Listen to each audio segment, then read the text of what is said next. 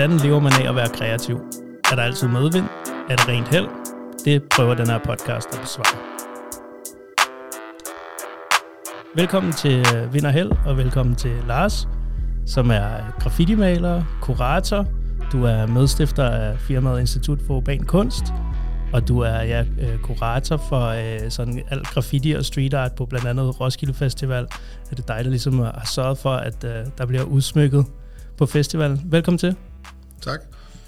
Uh, til at starte med, så kunne jeg godt tænke mig at snakke lidt sådan om de, uh, de tidlige dage. Du er ikke 20 år længere, uh, så du har ligesom været, uh, du har været i noget tid, og du kan måske uh, huske sådan dengang graffitien på en eller anden måde sådan begyndte at blive en lille smule populær, men stadig var sådan forholdsvis udskilt, hvor jeg tænker, der var ikke særlig mange, der havde det som et arbejde at male graffiti, eller at være omkring graffiti.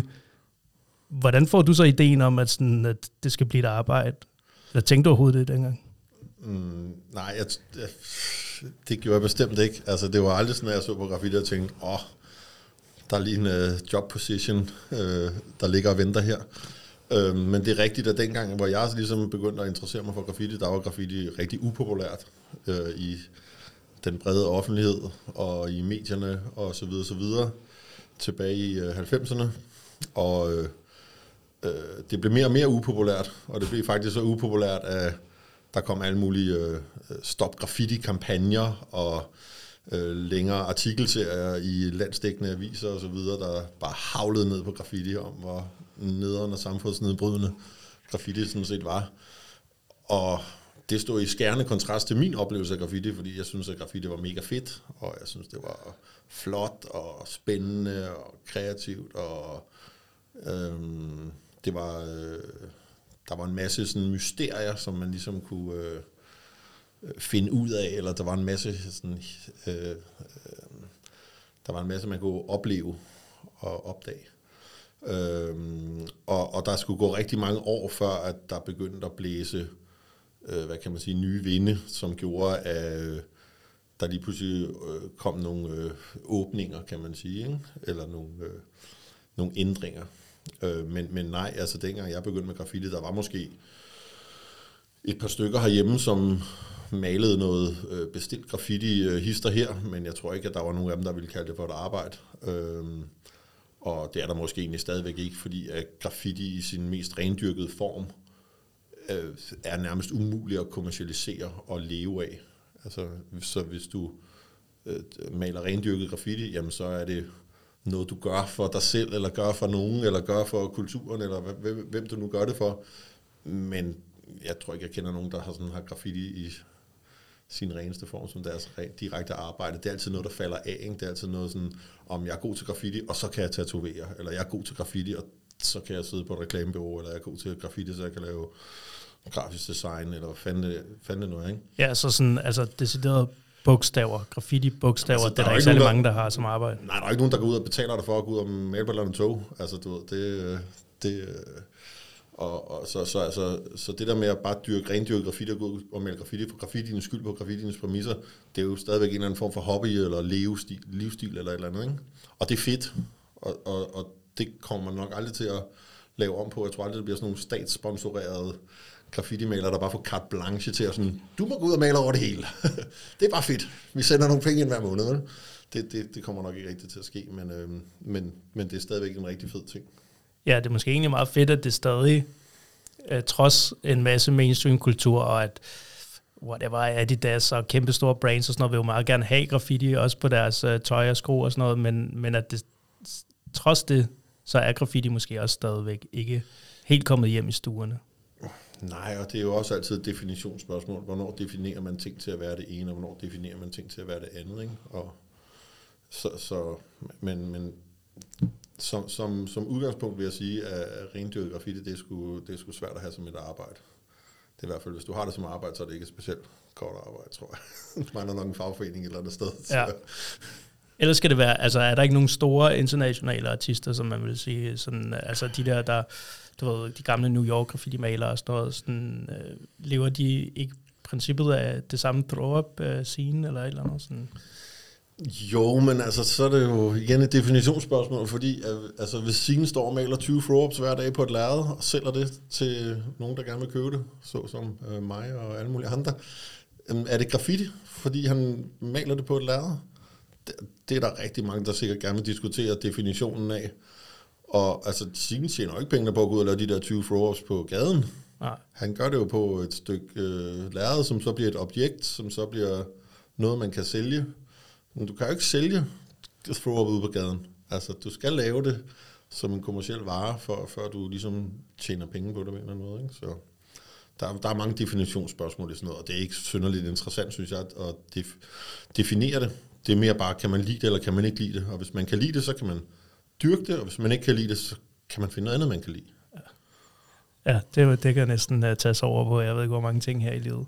Altså, hvornår øh, går du så fra, at du øh, ligesom er graffiti-maler, og så begynder det måske langsomt at blive et, blive et arbejde, eller hvad på et eller andet tidspunkt?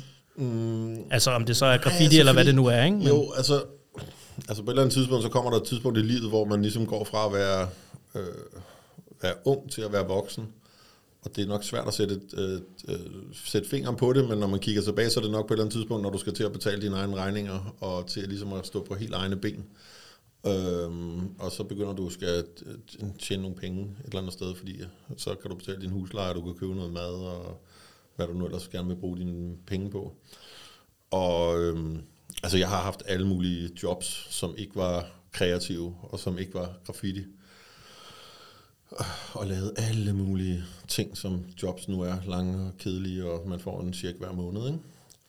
Øhm, og så på et eller andet tidspunkt, da jeg var ung, så besluttede jeg mig sådan lidt for, at jeg synes godt nok, det var spild af tid at gå og lave de her jobs, fordi selvom at man fik nogle penge ind hver måned, så synes jeg, man gik og spildede, jeg, jeg følte, jeg gik og spildte mit liv på det, fordi mens jeg var på arbejde, så kunne jeg have været ude og lave et eller andet, der var meget mere spændende, som jeg meget hellere ville have oplevet, end at lave et eller andet arbejde. Og så blev det lidt mere sådan, i stedet for at, uh, i stedet for at, at tænke på, som om sådan, okay, hvor mange penge kan jeg tjene, så er det mere sådan, okay, hvor lidt penge kan jeg leve for? Mm. Og så øh, og begynde at skære en hel masse, ikke udgifter fra, men bare sådan, begynde at finde ud af, hvor, hvor lidt penge, altså man godt kan leve på en sten. Altså man behøver ikke en skid penge for at være lykkelig. Og, øh, og det var nok sådan mere der, det startede, hvor jeg sådan tænkte, okay, jeg behøver måske ikke at have det der kedelige fuldtidsjobs, fordi jeg kan godt leve for meget færre penge, så hvis jeg bare arbejder en lille bit smule, så bor jeg heldigvis i Danmark, hvor man er så privilegeret, at man tit godt kan leve for en del færre penge, eller det kunne man i hvert fald dengang. Fordi der var huslejerne ikke de samme i København, som de er i 2023. Ja. øhm, så, så det var nok mere det der med, at jeg sådan aktivt sagde farvel til at have det der kedelige voksenjob, og så egentlig bare være en fri fugl. Det var nok mere det, der startede det, end at tænke, at nu skal jeg leve af at være kreativ. Og det gjorde så, at du så kunne bruge meget mere tid på at male? Og, øh... Ja, altså man kunne bare, jeg, jeg ville egentlig bare gerne lave alt muligt, der passede mig. Altså hvis jeg havde lyst til at rejse, så ville jeg rejse, og hvis jeg havde lyst til at tage ud og male, så tog jeg ud og malede, og hvis jeg havde lyst til at hænge ud med mine homies, så gjorde jeg det, og hvis jeg havde lyst til at ligge på sofaen øh, hele dagen og se en, noget på min VHS-videomaskine, du ved, så gjorde jeg det.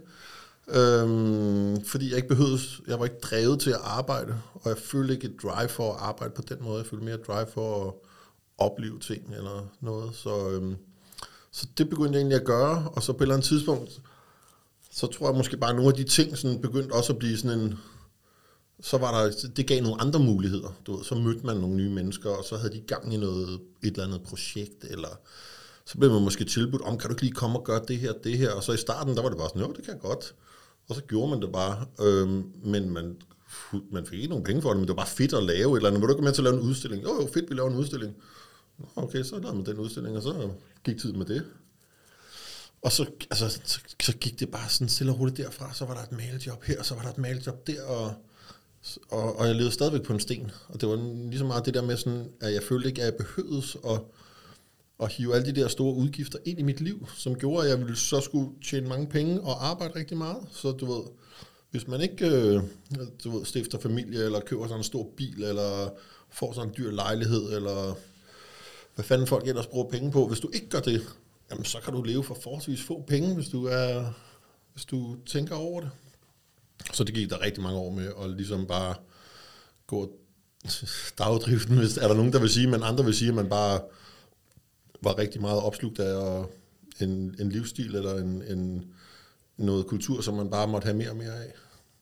Jeg synes, det, det lyder som en ret fed øh, filosofi og en ret fed måde, at øh, ja, det der egentlig er endt med faktisk også at være en milesten i din øh, karriere, at det var egentlig bare, øh, du ved, det var bare 100% drevet lyst, og ikke sådan en, det her vil være det smarte move. Nej, nej, fordi altså, altså hvis man skulle være smart og gerne ville tjene mange penge, så skulle man nok lave alt andet end noget, der har noget at gøre med graffiti og street art. altså, det var, der er sgu mange andre businesses, hvor jeg tror, du kan lave mange flere penge end, end, øh, end, inden for sådan nogle øh, ting og sager. Øhm, nej, så, så det der med at sige, øh, øh, hvad er fedt og hvad behøves man, det, det, er, det er måske også mere det, og det er måske også mere lidt det der med at sige nej til det der traditionelle, du ved, her fra Danmark liv, og til, øh, til det, som hele verden og systemet fortæller dig. Nu skal du tage dig en uddannelse, og så skal du få dig et job, og så skal du skynde dig at låne en masse penge, så du har en masse gæld, du skal gå og betale af på. Alle de der ting der, så hvis du ligesom træder ud af den der trædemølle der, så er der lige pludselig nogle andre muligheder. Du ved, så er du lige pludselig tid, der har, har du masser af, men du har ikke nogen penge. Men så får du tiden til at gå med nogle fede ting. Altså, det, så da du begynder sådan at rejse rundt i verden og møde andre malere og male med andre malere og sådan noget, var det så sådan øh, netop sådan, okay, øh, det kunne bare være fedt, jeg vil gerne rejse, gud, jeg kan sgu da også male graffiti, nu er jeg ude at rejse, eller var det sådan med graffitien, der bare det, eller? Nej, altså, man kan sige, en af de fedeste ting, jeg synes ved at male, det er jo det der med, og øh, jeg synes, det er fedt at male med, øh, øh, sammen med forskellige mennesker, fordi det er altid en anden oplevelse, og man lærer altid noget af at male med nogle nye, eller nogen, man ikke har malet med før. Og øh, jeg synes, det er fedt at rejse, så det er en fed kombination, det der med, at du kan rejse et andet sted, og så kan du male med en masse folk der, hvor du nu end kommer hen. Og så har du ligesom sådan tit sådan et uh, instant uh, ting at være fælles om, og bonde om, og lære af og sådan noget. Ikke? Og øh, jeg har altid synes, det var rigtig spændende at lære nye mennesker at kende, og, og nye kunstnere at kende og så videre. Så, så det har jeg bare dyrket rigtig, rigtig meget, fordi det synes jeg var super spændende. Øhm, og så hver gang man kommer et nyt sted hen, så lærer man nogle nye folk at kende, så kommer du andet sted, så lærer man nogle nye folk at kende, så kommer du et tredje sted, så lærer du nye folk at kende. Og samtidig, hvis du så også lærer alle dem at kende, der samtidig kommer til København, du ved, så kan du hurtigt opbygge noget, fordi hver gang du lærer en at kende, så næste gang, åh, kender du også ham, og nu rejser jeg derhen, åh, så skal du møde ham, eller du ved, altså så, det der netværk, det går bare helt, øh, helt crazy, hvis du, øh, hvis du går for det, ikke? Og det var jo, øh, altså det der netværk, det var også inden, du ved, sociale medier-netværk, altså det var jo tilbage dengang, hvor det var øh, telefonnummer og øh, udveksle breve med posten og sådan nogle ting der. Ikke? Altså det var, der, der var inden, at du mailede folk, eller bare lige sendte dem en DM, eller hvad man nu gør i, i dag. Ikke? Så, så det var, netværk betød noget andet dengang, og jeg tror, man også lærte hinanden at kende på en, på en bedre og dybere måde, hvor det ikke var lige så flygtigt nu, fordi nu kan du bare møde alle, altid, hele tiden.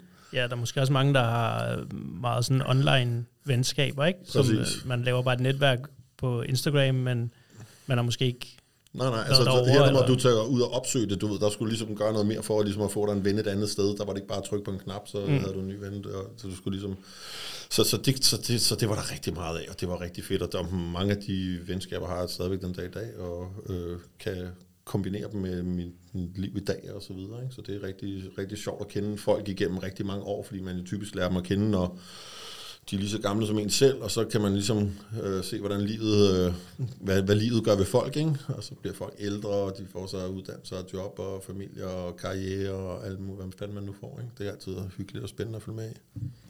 Ja, fordi så tænker jeg, fra, fra det netværk, sådan, øh, vil jeg gerne bevæge mig lidt over i, at da du så ligesom begynder at øh, arbejde som sådan mere sådan kurator på Roskilde Festival og sådan noget, hvordan starter hele det der med at Altså at invitere folk til den her festival og udsmykke den?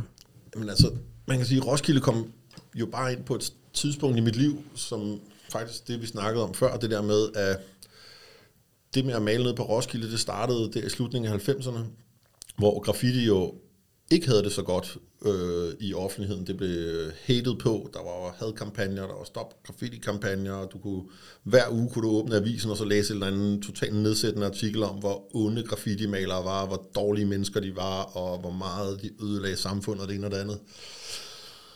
Og så kom der den her chance med Roskilde Festival, fordi jeg Roskilde Festival altid har haft den der måde med, sådan, mm, hvis samfundet gør noget på en måde, så prøver vi ligesom måske at vende det på hovedet og gøre tingene på en anden måde. Så hvis der nu var alle de her unge mennesker, der bare var helt vilde for at male, Og det er rimelig mærkeligt, at man ikke gav dem en mulighed for at male, eller et sted at male. Og det var så det, vi begyndte på dernede. Og, og det var virket til at være en rimelig god idé, for det blev rimelig hurtigt ret populært, og der var rigtig mange, der gerne ville male dernede, fordi folk synes bare, det var mega fedt og mega sjovt. Så, øh, så hvert år der, der, øh, der kom der mere og mere maleri ned på festivalen. Og alt det arbejde, jeg lavede dernede, det var bare frivilligt arbejde. Øhm, men det passede jo meget godt ind i den der livsstil med, at jeg behøver ikke at tjene nogen penge, fordi jeg behøver ikke særlig mange penge. Jeg kan bare lave noget, der jeg synes, der er fedt og spændende og sjovt. Og det var det blandt andet at prøve at få inviteret rigtig mange spændende øh, øh malere til at komme og male ned på festivalen. Så det brugte jeg rigtig meget tid på i rigtig mange år. Øh, og det var altså bare ren frivillighed, og det var rigtig fedt. Og det var nogle, alt sammen nogle mega fede oplevelser, og der kom vildt mange folk og malede vildt mange fede ting. Øh, så, ja, så, så, så det kom stille og roligt ind, og det var jo også det her med, at i, i den der maleverden, der er det jo tit rigtig meget, at man går for, ligesom, at rigtig mange malere har det her øh, drive, og det her sådan, det, jeg skal drive mig selv, jeg skal male, det, ved, det er sådan en ego-game med, jeg skal male så meget som muligt, for jeg skal, det, en, det ene og det andet, hvor jeg var mere sådan, jeg behøver ikke være den, der maler. Du ved, altså hvis jeg lægger en masse arbejde i, at der, der gør, at det er muligt for rigtig mange mennesker at komme og male, jamen, det bliver da meget federe, end at jeg bare stiller mig op og bruger al min energi på at male min egen væg. Så på den måde, så var det ligesom, hvis jeg lægger alt arbejdet i at skabe malemuligheder for rigtig mange mennesker, så kommer der du ved, 100 pieces, hvor hvis jeg bruger den samme tid på at stille mig op og male mit eget piece, så kommer der et piece. Så på den måde var det sådan lidt, okay, det her det kan, det kan blive til meget mere, hvis man ikke nødvendigvis har den der øh, det der meget øh, øh personlige drive på, på sit maleri. Så det var det, der fik Roskilde til at, at vokse år efter år siden slut 90'erne, og så op gennem nullerne og op gennem 10'erne og så videre. Ikke? Og det var rigtig, rigtig fedt, og det har der jo været ja, mange tusind malere igennem, øh, igennem årene. Ikke? Altså, det er virkelig, virkelig mange mennesker, der har været nede og male der.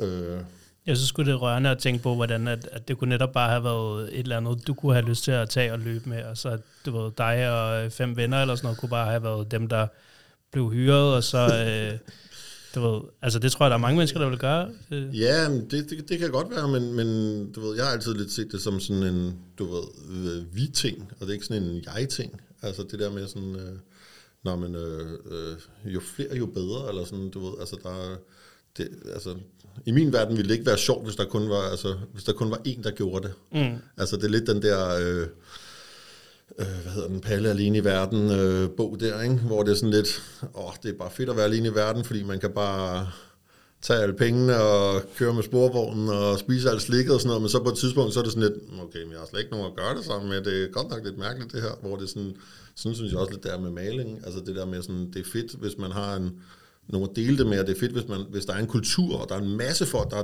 der lægger noget passion i, i maleri. Det er jo det, der gør det fedt. Altså. Og, og der kunne Roskilde bare danne en rigtig god ramme for, at der var rigtig mange mennesker, der kunne lægge øh, en masse passion i det. Øh, og det har, det har folk jo så gjort nu i snart øh, 25 år dernede, ikke?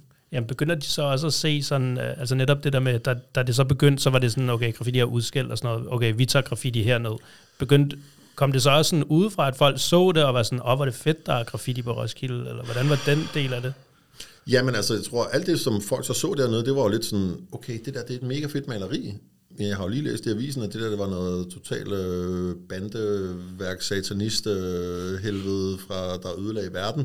Men det ødelægger da ikke verden, det der. Det er da bare mega fedt at se på. Og, du ved, altså, så på den måde, så, og når de så så det år efter år, og det ligesom var generation efter generation efter generation, så har det jo været med til at skabe en kæmpe stor øh, positivt indtryk på sindssygt mange mennesker, som har, været, som har set alt det, der er blevet malet, fordi det virkelig øh, kan vise øh, maleri for en helt vildt øh, positiv side for almindelige mennesker, fordi det er det der med, hvad sker der, hvis du giver øh, helt vildt mange malere rigtig gode forhold, altså rigtig meget plads at male på, med rigtig meget maling og rigtig meget tid, så kan de lave nogle helt fantastiske værker. Og når der så samtidig kommer over 100.000 mennesker derned, kun for at opleve, kun for at få deres hjerne blæst igennem med alle de indtryk, de overhovedet kan skrave sammen, alt det musik, de kan høre, alt det, de kan se med deres øjne, alt det, de kan smage med deres øh, mund, du ved, alt det, de kan opleve med deres krop. Og en masse af det input, de får dernede, det er fede malerier. Så har det altså, år efter år, generation efter generation, så har det været med til at lave en kæmpe stor holdningsændring for rigtig mange mennesker, og du kan prøve at spørge rigtig mange almindelige mennesker, hvad de synes om, om maleri i dag, og så mange af dem vil sige, åh, oh, jeg har i hvert fald set noget fedt noget, dengang jeg var dernede. Mm. Noget, ikke? Altså, altså, øh, så, så på den måde synes jeg, det, det på mange måder har været med til at, at kunne skabe øh, en modpol til det der, om graffiti det er herværk, og graffiti det, er, det, det gør ikke noget, du ved. Så, så, så det har ligesom vist, okay, det kan også noget andet.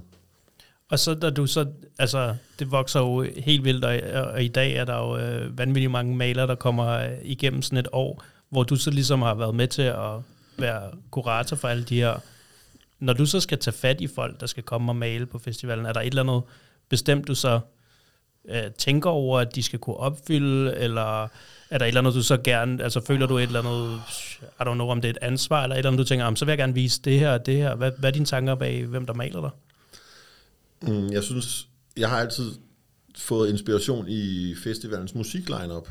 Øh, forstået på den måde, at festivalen også musisk prøver at byde på rigtig meget forskellige slags musik. Det vil sige alle mulige genrer af musik. Øh, det vil sige øh, upcoming øh, kunstnere, etablerede kunstnere, øh, alle mulige legender. Øh, du ved, altså at det virkelig, virkelig er bredt. Så derfor synes jeg også malemæssigt, at det har været spændende at prøve at byde på rigtig mange forskellige typer af maleri. Øh, så det ikke bare er, nu kommer der øh, 100 mennesker, der alle sammen er gode til at lave throw-up. Mm. Du ved, det er federe, der kommer alle mulige, der er gode til at lave alle mulige forskellige slags maleri, og så er der nogen, der laver det ene, og nogen, der laver det andet, og nogen, der laver det tredje, og nogle er opkomminger spændende, og nogle er etableret spændende, og nogle er legender og spændende, du ved, men, men der skal være noget forskelligt, og, der, og det skal også stille og roligt ændre sig gradvist øh, år efter år. Det må også godt vise nogle trends øh, inden for maleri. Af, hvis nu folk gør dit, du den datten, så er der også nogle af de eksponenter, man ser dernede og så videre. Og så vil jeg sige, det gælder også om, at man skal ligesom... Øh,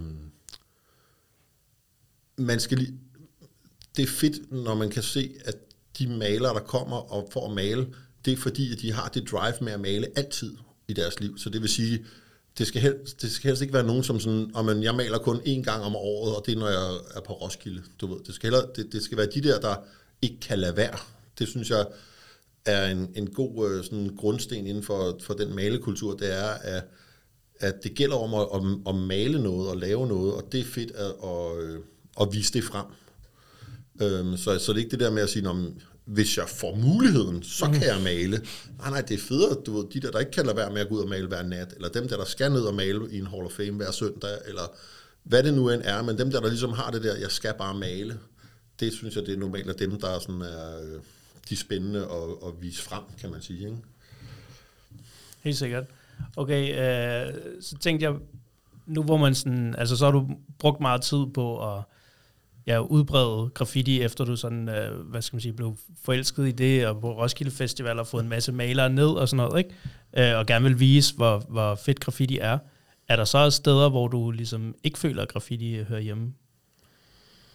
Altså er der nogle gange, det er bedre med en blank væg, eller øh, du ved, skal der være en reklame i stedet for? Eller? Altså hvis du spørger mig rent personligt, så er jeg, så er jeg stadigvæk så forelsket graffiti udtrykket af, altså jeg altid foretrækker graffiti i forhold til noget andet. Altså du ved, alle vægge bliver sådan set pænere af, der bliver malet noget fedt graffiti på dem.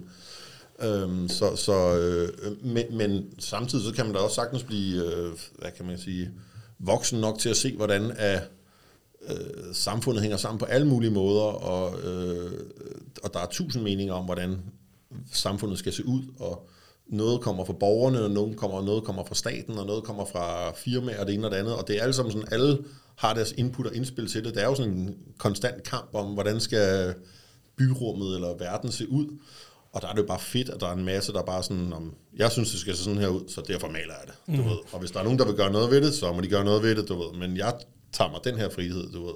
Så mal løs, altså du ved, det er fedt med maleri, altså du ved, det, og det er fedt at se nyt maleri, og det er fedt at opleve maleri.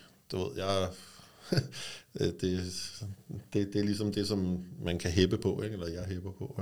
Det, det er fedt. Nice. Fedt. Okay, jamen øh, jeg tænker, at vi lige skal hoppe til vores øh, lynrunde, øh, som vi kalder en skravering. Første spørgsmål. Digital eller analog? Åh. Oh. Begge dele. det er det hurtige svar. Jeg sætter mega meget pris på analoge ting, altså øh, fotografier, bøger, øh, øh, live musik og alt, alt muligt, du ved, der er skabt.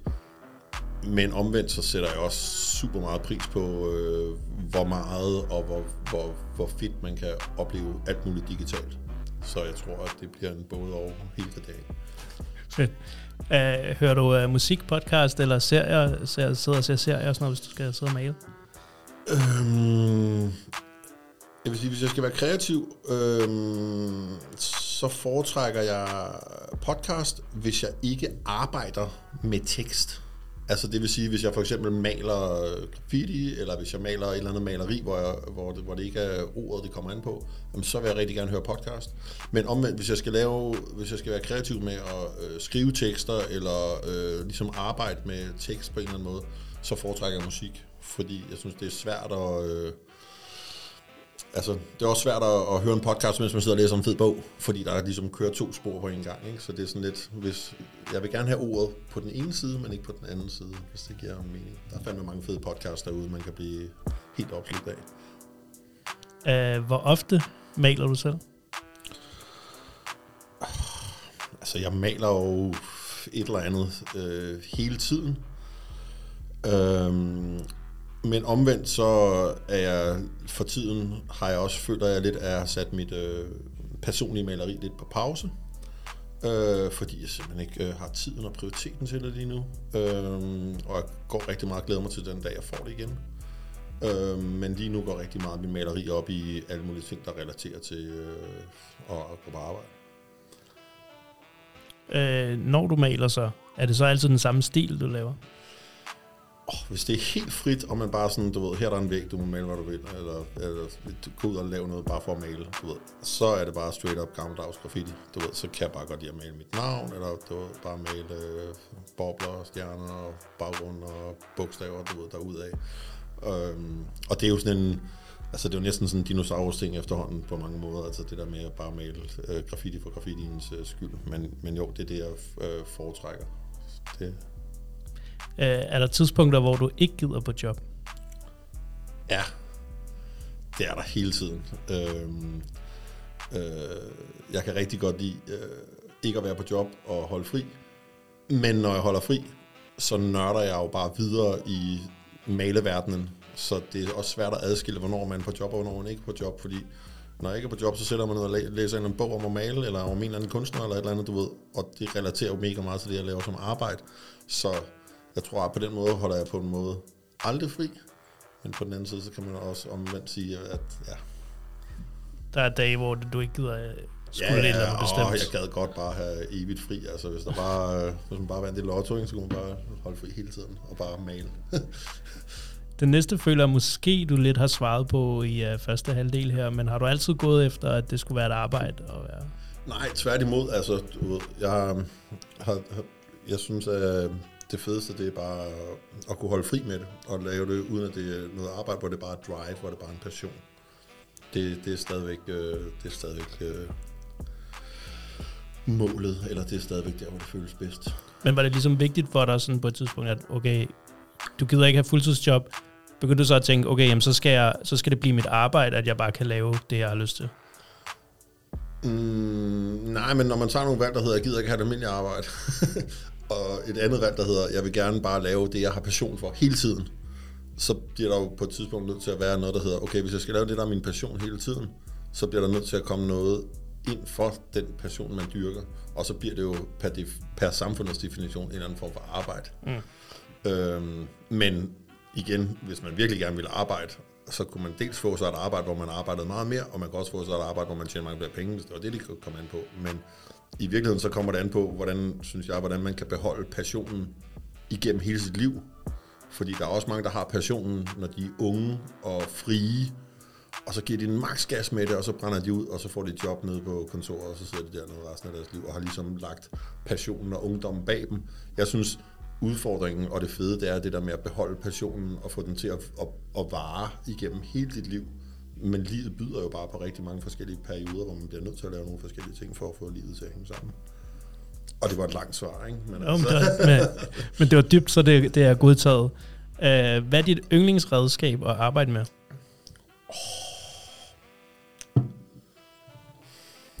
Godt spørgsmål.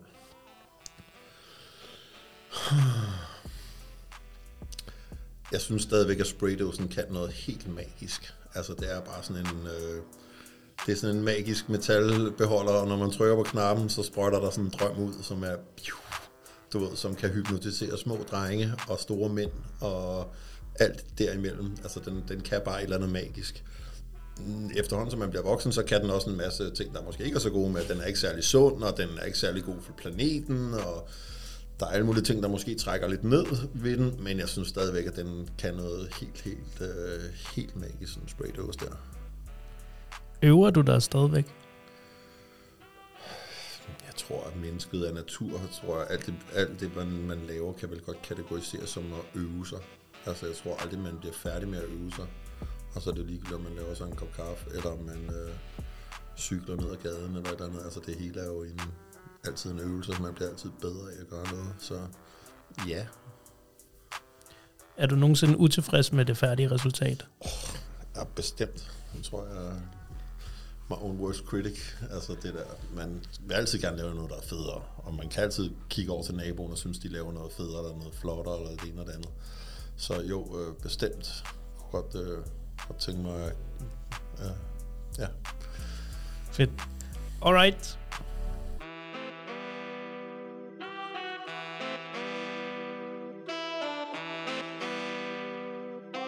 Lars, du, øh, du samler på bøger.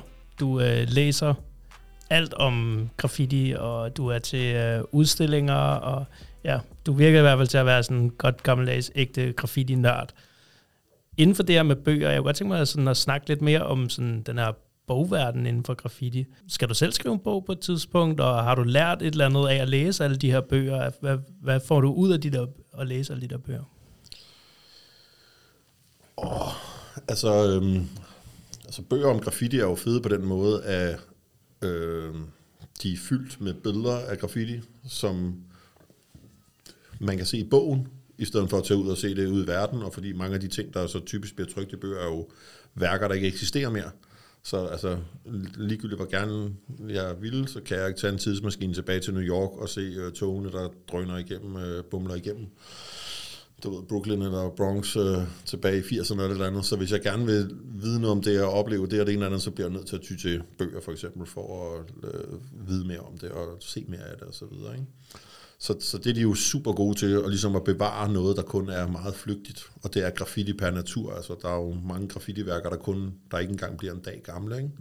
De bliver bare malet, og så bliver de enten fjernet eller malet over igen dagen efter, for eksempel. Og hvis du vil opleve dem, så øh, bøger for eksempel en god måde at gøre det på, ikke? eller internettet, eller bladet, eller fanden der noget. Ikke? Så, øh, så det er en rigtig god måde, synes jeg, at opleve, hvis man ikke kan få nok af graffiti og nok af god graffiti, fordi typisk er ting, der bliver trykt i bøger jo øh, udvalgte, eller øh, du ved, det er det bedste af 10 pieces, eller 20 pieces, eller 100 pieces, eller det bedste fra en hel karriere, eller et eller andet, der bliver trykt i bøger. Så typisk så er bøger jo sprængfyldt med de fedeste burners, og det, det synes jeg er super fedt at sidde og, og læse om, og læse, læse pisene, hvis man kan sige det på den måde. Så øh, det er det, jeg godt kan lide ved bøger stadigvæk, det er, at de har, der er et form for filter på dem. Og i gamle dage, da jeg startede, der var der jo ikke særlig mange bøger om graffiti. Øh, der kommer flere og flere, og specielt her de sidste år er det jo totalt boomet med bøger, og corona fik det sindssygt meget til at boome med bøger og sådan noget, så der kommer jo flere bøger, end man kan nå at læse, og flere bøger, end man kan nå at samle osv., så, videre, så, videre. så man må også lidt gå efter det, man måske helst vil læse, eller det, man helst vil se, og så er der selvfølgelig nogle områder inden for maleri, som man bedre kan lide end andre, og så prøver man at få fat i alle de bøger, og læse alle de bøger og nørde øh, dem ud.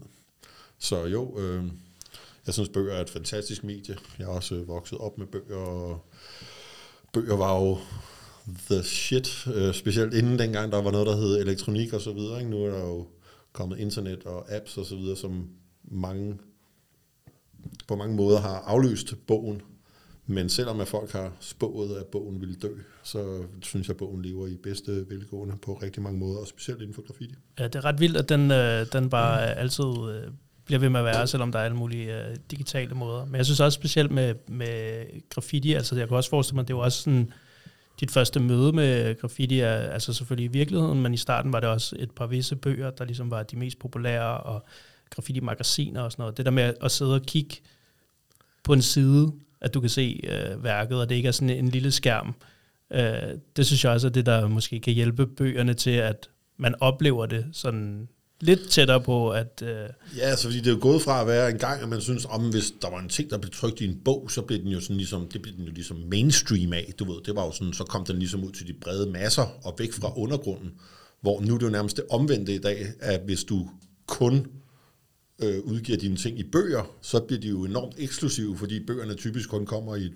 højst et par tusind eksemplarer, hvor øh, alle de her øh, ting, man ellers ser digitalt, altså de bliver vist mange millioner gange på folks telefoner og folks computerskærme. Ikke? Så det der med sådan, bøgerne er gået fra at være den ene yderlighed af graffiti-eksponering til nu at være den, den modsatte yderlighed. Ikke? Og det er tit, synes jeg netop det der med, at hvis man virkelig vil se det, det gode, eksklusive stof i dag, så bliver du nødt til at, altså det er i bøgerne, det er ikke, det er ikke på Instagram.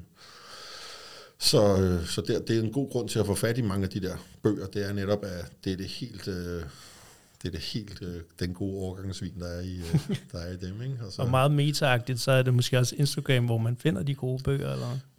det er i hvert fald en god kilde til at lære omkring bøger. Altså, øh, altså Instagram og, og internettet og Facebook osv. er jo en, øh, der, hvor informationen findes. Så altså, hvad, hvilken bedre måde at, at, at finde ud af det på, end er, er gennem det. Men når man så har fundet ud af det, så skal, gælder det jo så om at få bestilt den, og få en pakke med posten, og ned og hente den ned i pakkeshoppen. Ikke? Øh, og hjem og pakke den ud der, og sidde og hygge med den i en, i en god lænestol hele aftenen. Det, det, der, der er mange øh, oplevelser. Der synes jeg stadigvæk, at bogen, den kan noget, du ved, den kan...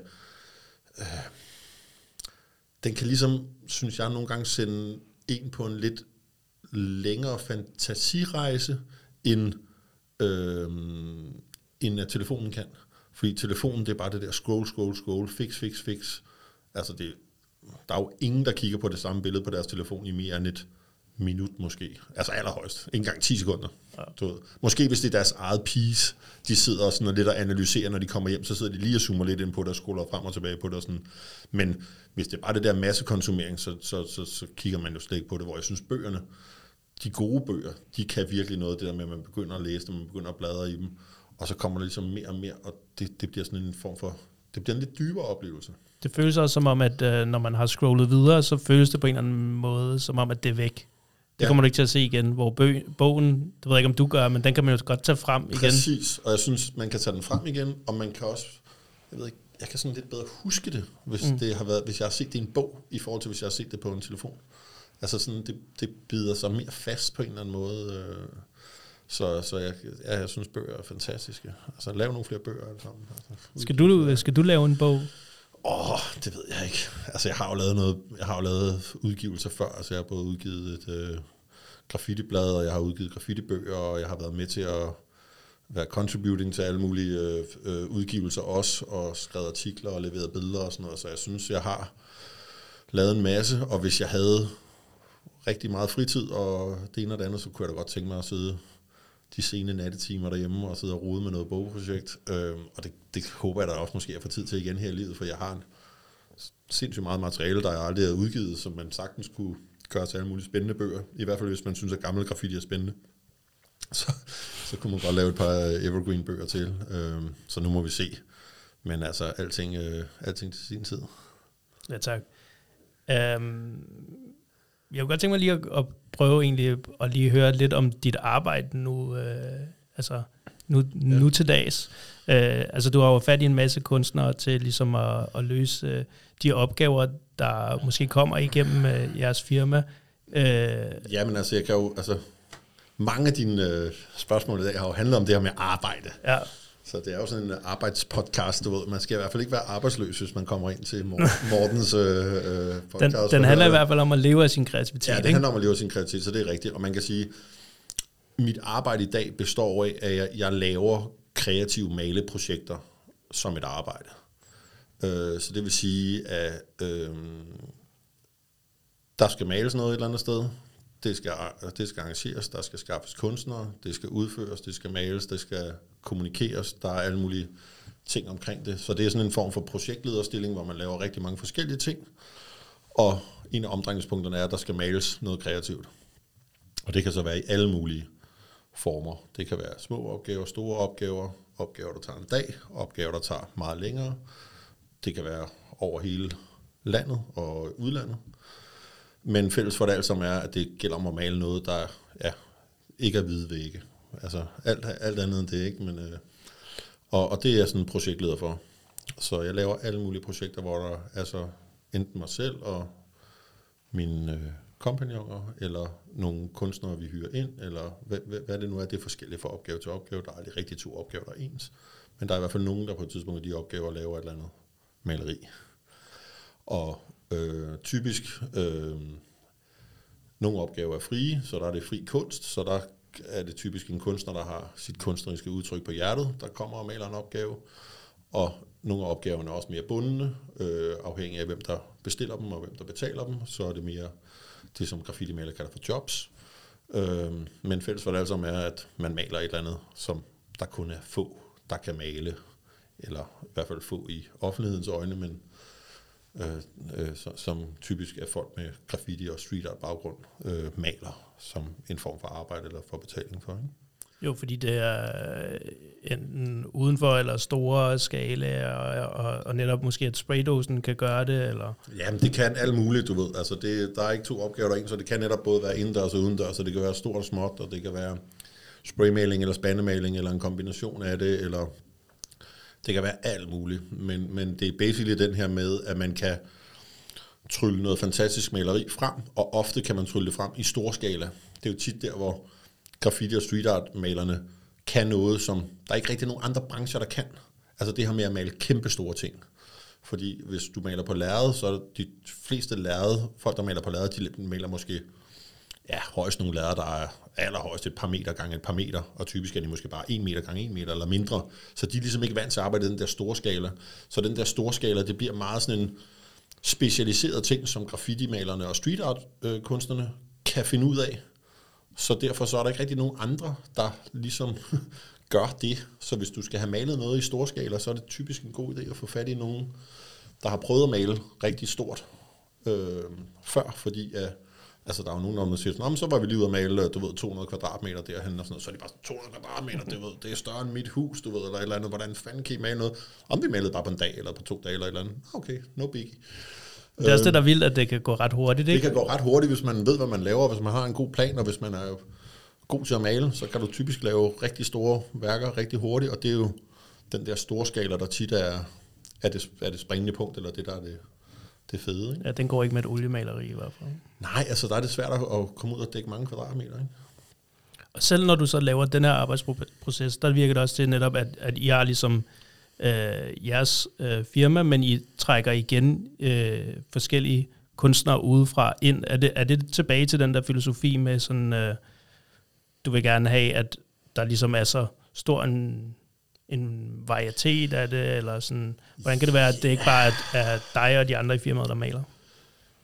Jamen, det er lidt en kombination af flere ting. Altså, det er jo tit med, øh, hvordan laver man det bedste projekt? Altså, hvordan får du det bedste maleri frem? Og der er det klart, at hvis øh, projektet går ud på at male et kæmpestort, flot portræt, så er det en rimelig god idé at hyre en person, der er god til at male portrætter, eller god til at male ansigter, eller lidt den stil. Hvorimod, hvis det går ud på at male nogle kæmpe store fede graffitibogstaver, så er det rimelig fedt at få fat i en, der er god til at male kæmpe store graffitibogstaver. Så derved er alle opgaver forskellige, og derved er det også ofte forskellige folk, der udfører dem, hvis de skal være de allerbedste øh, opgaver.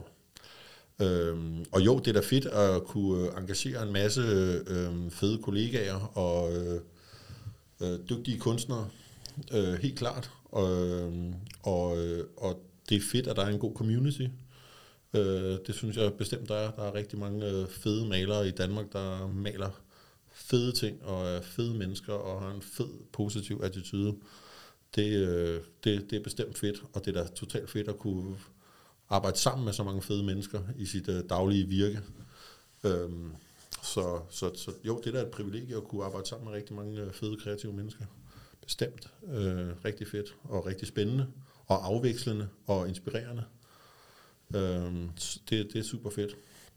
Så, men, men så er der nogle andre opgaver, som også bare er ren rugbrød, hvor det er bare sådan, om den der klarer bare selv, eller du ved, altså, mm. hvor det ikke behøver at være, hvor det ikke behøver at være alle de der ord, jeg lige puttede på det, ikke? fordi alle opgaver er forskellige, du ved, og nogle gange så kræver det det ene, og nogle gange kræver det det andet. Ja. Så.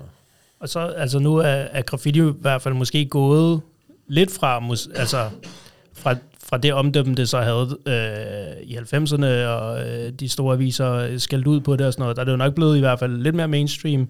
Altså, oplever du, at det er blevet nemmere at få lov til at male øh, på væg? Altså, er det er der, flere, er der mere efterspørgsel, eller hvordan har folk det? Altså, det er jo... Øh, altså, på en måde det er jo et langt svar, fordi altså for det første så er den der med at få lov til, det er sådan lidt, du, det er noget, man, man giver børn, sådan, du må godt få lov til et eller andet. Jeg tænker sådan, når det er voksne mennesker, så skal man helst væk fra den der med, om I har også fået lov til at male på en væg, så er I jo bare glade, du ved, eller man skal give det mere respekt end det, end at bare at give nogen lov til.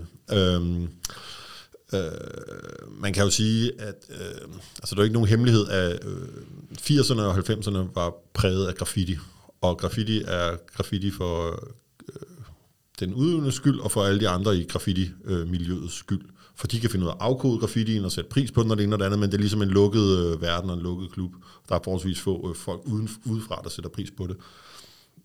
Men så der i starten nullerne, så kom der hele det her street art boom, øh, hvor der lige pludselig var en masse øh, folk, der begyndte at male alt muligt andet end øh, graffiti-bogstaver og graffiti-stile. Øh, øhm, og hele den her street art-bølge, den åbnede jo også på mange måder rigtig meget offentligheden op for, at det kunne faktisk være rigtig fedt med alt det her ungdomlige maleri i det offentlige rum på en eller anden måde. Om det var ulovligt eller lovligt, det var ikke så vigtigt, fordi det var en meget fed, finurlig figur, ham der eller hende der havde malet, og man vidste ikke rigtig, hvem det var. Det var lidt mystisk, men det var også lidt sjovt eller lidt uh, edgy, eller sådan. Og det, det gjorde bare, at den offentlige mening ændrede sig rigtig meget, så, så hvor, hvor du før ikke øh, i gåsøjne kunne få lov til en skid, så kunne du lige pludselig få lov til rigtig meget mere. Men det har aldrig været et spørgsmål om at få lov. Altså det har jo bare været et spørgsmål omkring, vil du tage dig en frihed, eller vil du øh, bruge en frihed, der ligger foran dig, du ved. Altså, det, du kan jo gøre begge dele. Altså, det, er jo, det er jo bare et spørgsmål om, om, om temperament og, og hvad ens øh, tilgang til, til det hele er. Øhm, så jo, der er kommet rigtig mange flere malemuligheder. Det er blevet meget mere accepteret. Ja, men øh, altså, jeg møder også rigtig mange folk på min vej, hvor det er sådan, åh, men min søn maler, eller sådan noget, du ved, altså, ja, han kan godt lide lige at skate lidt og sådan noget, så maler vi også lidt der og det ene eller andet, hvor det er sådan lidt, i gamle dage var det jo, var det jo noget, folk ofte holdt hemmeligt for deres øh, forældre og sådan noget, mm. du ved, og det ene eller andet, hvor nu der er det bare sådan, der er det ligesom at samle på frimærker, eller gå til badminton eller et eller andet, ikke? der er det jo bare sådan, men søn maler lige graffiti i fritiden og sådan noget, okay, det er, det er helt fint og sådan noget, du ved. Øhm, så på den måde, jeg synes måske, det er mere sådan attituden øh, over for det, der er blevet, øh, der er blevet meget mere afslappet at folk kan godt se, at det ikke er verdens ende, fordi der kommer lidt maling på verden. Altså det, det, det er kun i nogle få, få tilfælde, hvor det er sådan lidt, så er det også herværk, hvis det er lige midt på min hoveddør.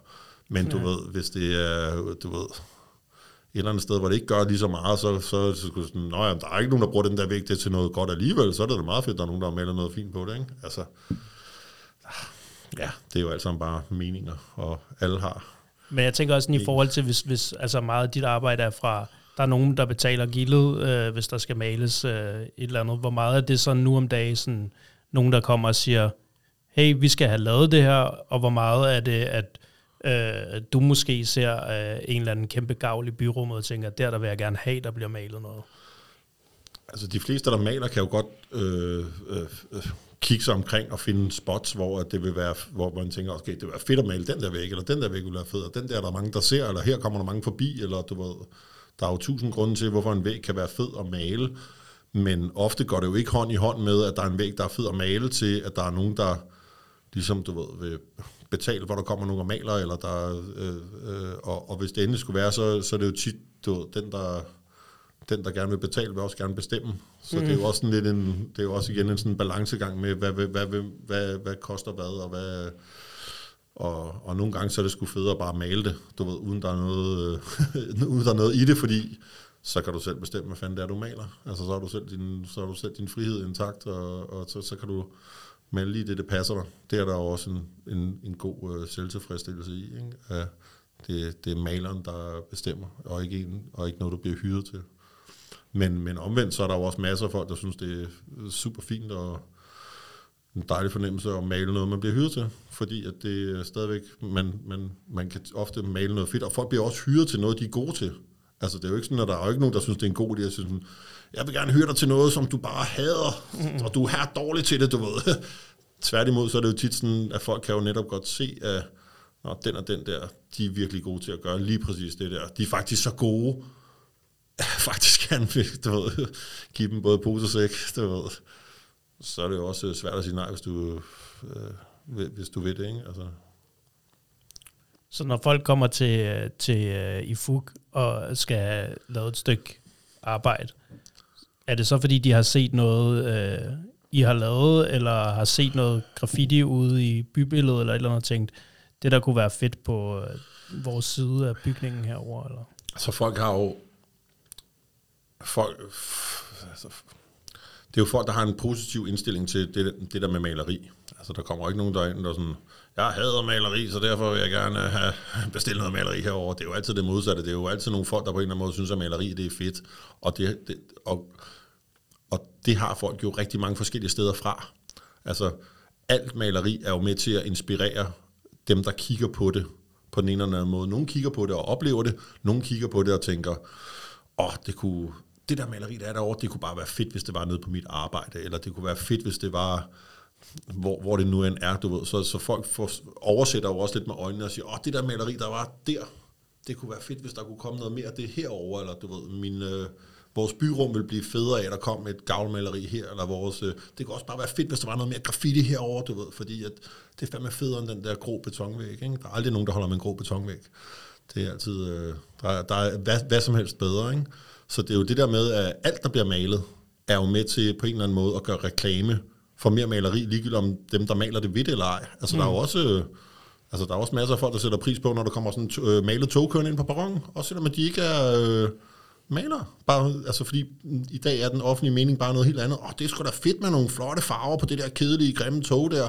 Det skulle da bare komme noget mere af, du ved. Altså, det er der jo flere, der siger i dag, end der var tilbage i, i, i gamle dage. Ikke? Ja, hvor man så, var bange for det og sådan noget. Ja, ja, fordi der, uh, det var utrygskabende, og du ved det ene eller andet. I dag der er det bare sådan, det er sgu da fedt nok med nogle farver på tilværelsen, du ved, eller et eller andet. Ikke? Altså, så det er jo sådan lidt, så, så al, al maling kan være reklame for mere maling på en eller anden måde. Ikke? Altså, og så, så øh, så jeg tror sådan, altså det bedste, øh, ville, hvis man gerne vil stoppe maleri, så ville det nok bare være, hvis, du var, altså, hvis der ikke bliver malet mere, for så ville det ikke inspirere flere, men lige så snart der bliver malet, så er det lidt ligegyldigt, hvad det er, der bliver malet. Det meste er det en god reklame for mere maleri. Øh, og, det, og det er fedt, altså på en eller anden måde. Det, det, det, fordi det er jo den samme følelse, jeg har. Jeg synes jo bare, maleri er her fedt, og jo mere der kommer af det, jo federe er det, og alle slags maleri, altså få noget mere maleri. Altså, det er jo det der med at bo i en by, der er overmalet. Bevæge sig gennem et byrum, der er overmalet. Det er bare fedt. Altså, altså bevæge sig gennem det modsatte.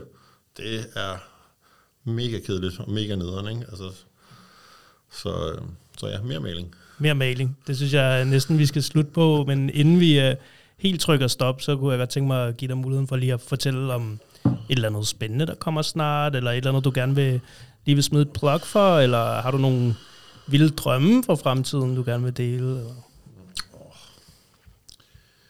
Det var et godt spørgsmål. Jeg vil sige, at hvis man, øh, hvis man skal tage ud, hvis man tilfældigvis skal ud og rejse det næste stykke tid, så skal man tage til, øh, hvis man tilfældigvis skal til London, eller hvis man tilfældigvis skal til Hamburg, så er der lige nu både i London og i Hamburg to mega fede udstillinger omkring graffiti.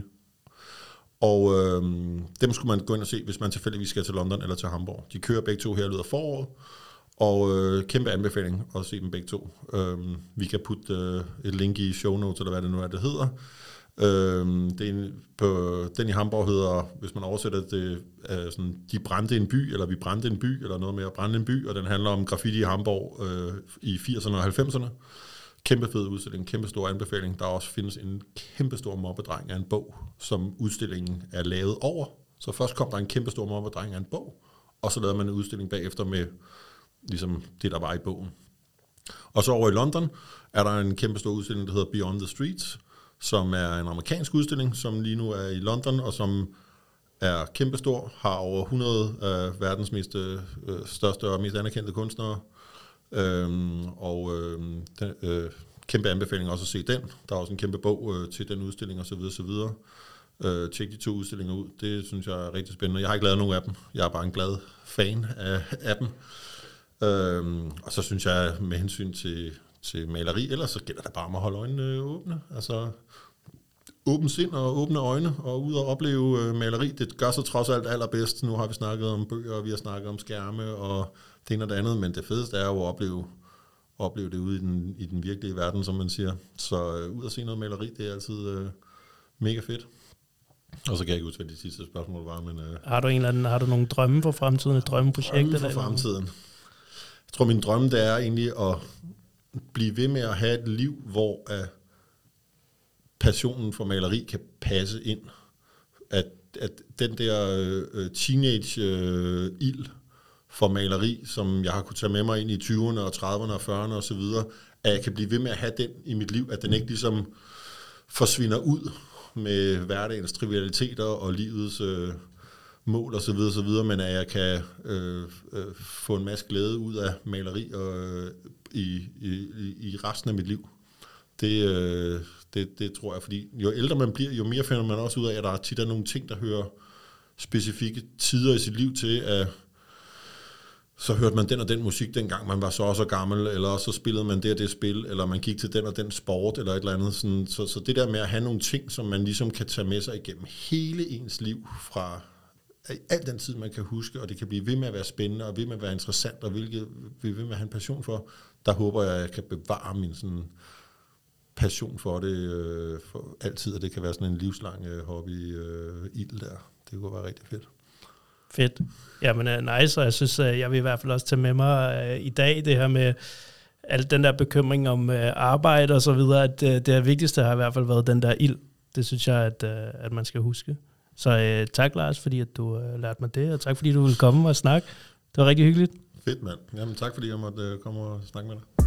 Og tak til Mathias Vestergaard, der har lavet musikken. Og øh, tak øh, til lytterne, fordi de har lyttet med så langt her. Og hvis man nu allerede er inde i en eller anden øh, lytte-app, så kan man måske lige prøve at trykke del på Instagram, inden man går videre i livet. Det vil betyde rigtig meget for mig. Tak for nu.